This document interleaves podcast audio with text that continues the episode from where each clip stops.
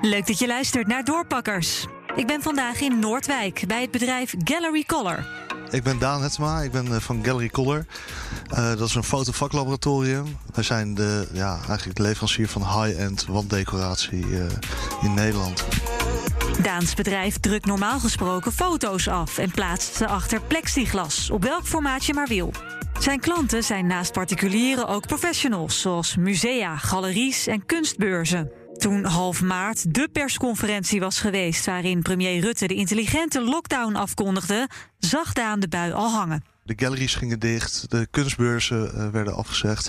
Dus wij zaten hier ook een beetje van oké, en wat gaan we nu doen? En eh, toen zag ik eh, een paar van die schermpjes ergens staan bij, de, eh, bij een grote supermarkt.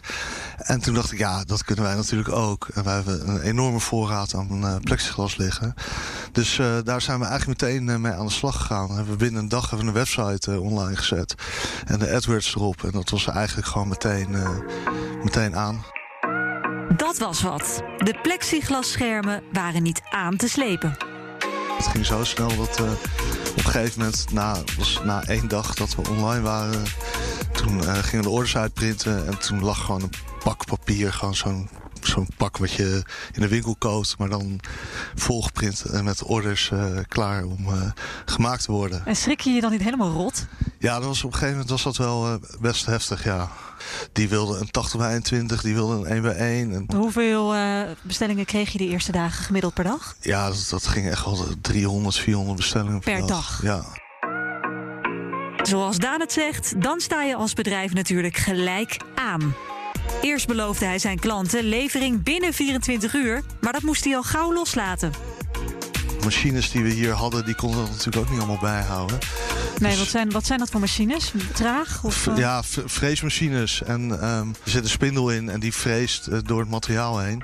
En die heeft een eh, bepaalde maximum snelheid. Eh, hoe dat is niet hoger heel die snel. Nou, het- hij was hier oké en goed genoeg voor het werk wat we deden. Alleen eh, als je eh 20 minuten moet wachten totdat hij één plaats van 2 bij 3 meter in eh, acht schermpjes heeft eh, gevreesd.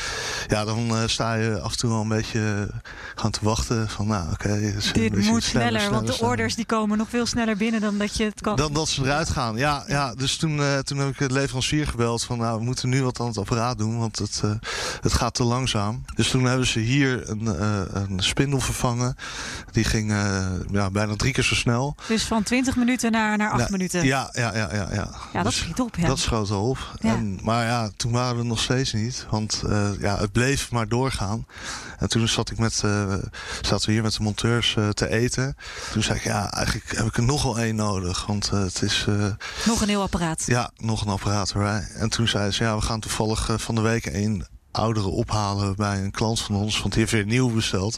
Dus die is eigenlijk meteen beschikbaar. Dus zei ik van, nou, laat die maar komen. Betaal je voor zo'n machine? De- ja, de- daar hebben we eh 10.000 euro voor betaald. Dus, Nee. ja, het is even een investering. nou, ik vond het wel meevallen eigenlijk. echt? nou ja, als je keek naar de hoeveelheid aan de orders die binnenkwamen... was, het eigenlijk, eh, was de keuze snel gemaakt. De tweede machine kwam en Daan opende een extra locatie in Rijnsburg. Nou wil ik wel eens even kijken bij de Moneymaker. En dit is een vreestafel. Gigantisch ding. Ja, Eh ja. 2,5 meter breed? 2,5 meter breed, Eh, 4 meter lang. Ja, precies. En daar ging de plaat op. En dan hadden we op de computer eh, alle tekeningen gemaakt. eh, van plaat 1, 2, 3, 4, 5. En nou goed, ge- ga zo maar door. Mhm. Erop, eh, vrezen en eraf. Inpakken. En inpakken en Wegwezen. wegwezen. eh, Ja. Ja. En dat hij goed verdiende met deze snelle swap naar het leveren van kuchschermen mag duidelijk zijn. We waren natuurlijk niet de enige die ermee begonnen. Nee, dus je moet Eh. ook een beetje concurrerend zijn. Ja, we, en we zijn eigenlijk altijd vrij concurrerend gebleven. We hebben altijd een nette prijs gevraagd. Wat is een nette prijs? Eh, voor zo'n scherm betaal je eh, v- de 75 euro. Ja, dus dat is een scherm van, wat is dit, 80 bij 80? 80 bij 80 met, met zo'n klein voetjes. doorgeefluikje en een voetje. Ja. Wat is jouw omzet geweest? Echt puur en alleen door de kuchschermen. Ik denk dat wij eh, voor een miljoen aan schermen verkocht hebben. Ja. En in een Nee. normaal jaar, wat is je normale omzet als je gewoon normaal je, je foto's print, zeg maar? Eh, met fotohandel zitten we ongeveer op anderhalf. Al met al een bijzonder goed jaar voor Gallery Color. Maar Daan kan zijn extra locatie voor de kuchschermen nog niet opdoeken. Hij verwacht nog wel een staartje qua bestellingen. Een heleboel grote kantoren zijn dicht, eh, restaurants, eh, de horeca is eh, dicht. Dus eh, ja, ik denk ook dat, dat, dat daar eh, eh, gewoon ook nog eh, wat, ja, wat uitgesteld wordt. Of, eh, Daar kunnen nog klanten vandaan komen. het zou kunnen. Ja, je, je weet Dus niet je hoe gaat het... die locatie in Rijnsburg nog niet opheffen.